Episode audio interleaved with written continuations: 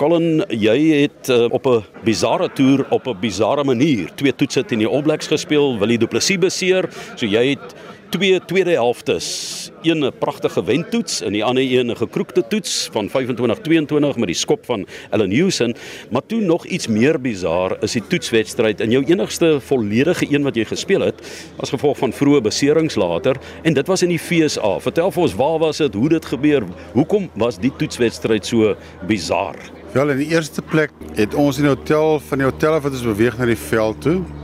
Hulle het 'n situasie geskep waar hulle die die betogers wou wou om die bos lê.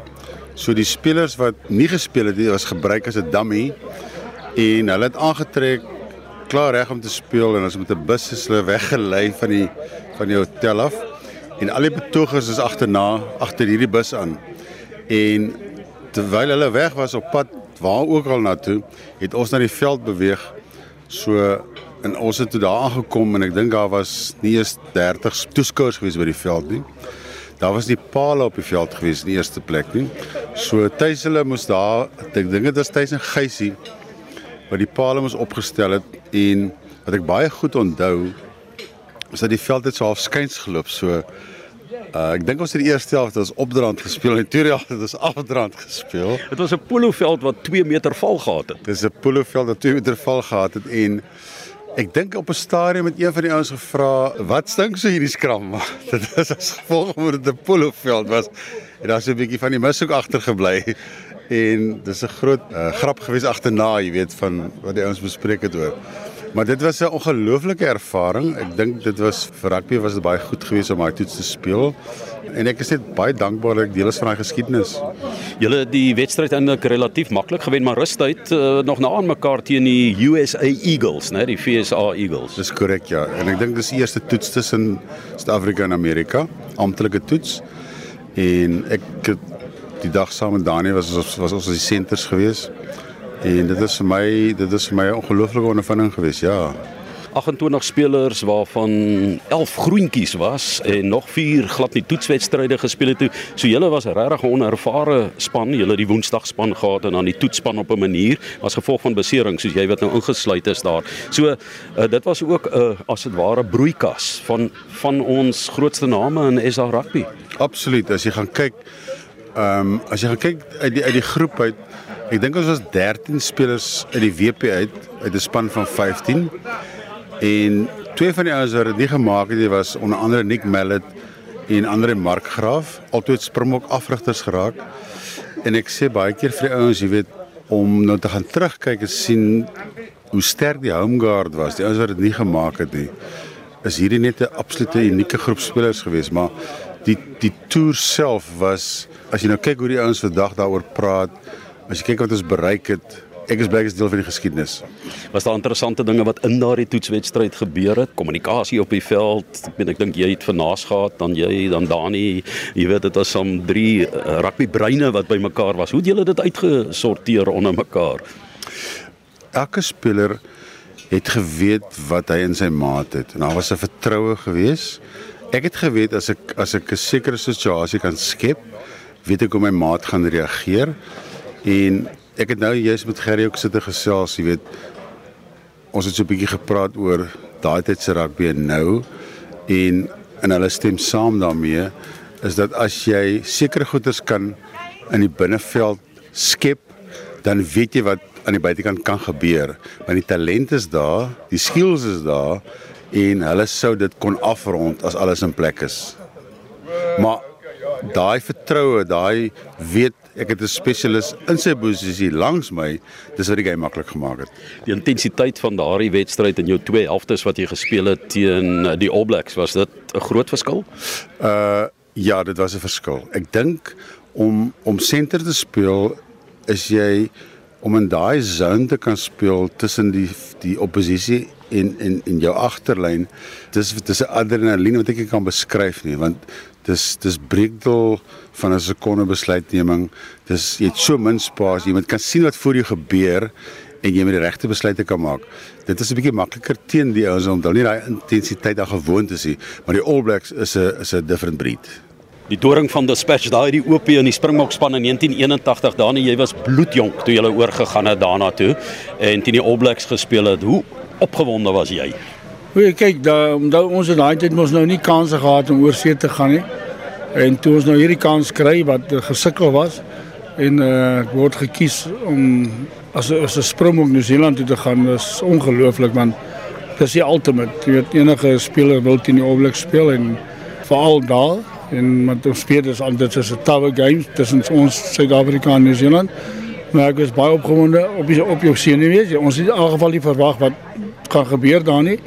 Maar wat ons is daar is en die dinge gewoond raak toe is dit 'n uh, great great great tour soos tradisionele Suid-Afrikaanse en All Black rugby, Springbok en All Black, maar Dani, jy is voor die tyd fyn dopgehou deur die All Blacks oor jou tipe spelstyl, jy weet in jou plofbaarheid in die in die middelveld. Ja, hulle het dit redelik aan die toetse reg gekry, jy weet hulle het my paar keer uh, op struksie gehad om my gekeer want hulle weet ek met my ondersteuning was baie goed.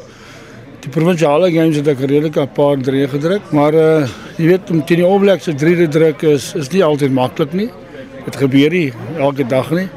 En uh ek het ongelukkig daai reeks nie 'n drie gedruk nie, maar ek dink ek het redelik goed gevaar in die in die wedstryd en kon bydra lewer met uh, ouens wat drie gedruk het. So ja, so dis dis 'n uh, altyd lekker om teen hulle te speel. En vertel ons 'n bietjie van die FSA. Ja, nee, kyk toe ons daar kom Dis ons met hierdie hierdie uh, maffia trokke van hulle gery, daai swartes wat wat die president inry. En uh ons het daar opgewarm in 'n perdestal. Jy weet, uh het ons uitgetrek, aangetrek en die veld was net oor kan 'n besige pad. Ons moes daar oorkom en uh Tuisburger en die reserves moes die palle opsit en was op 'n poloveld en die veld het van die een kant na die ander kant met 'n meter het hy gesak. So jy het maar gekies opdrand of afdrand. Uh heeltemal ver uit uh Chicago waar ons gebly het. O ja, maar dit is interessant. Dit weet is dinge wat jy gaan onthou vir die res van jou lewe. Ek kan nou nog 95% van al die gebeure wat en wat ons gedoen het en waar ons was en kan ek nou nog onthou want dit is dit is goed dat jy nie sommer net vergeet nie want dis want dit gebeur dit is nie was was 'n onnatuurlike toer.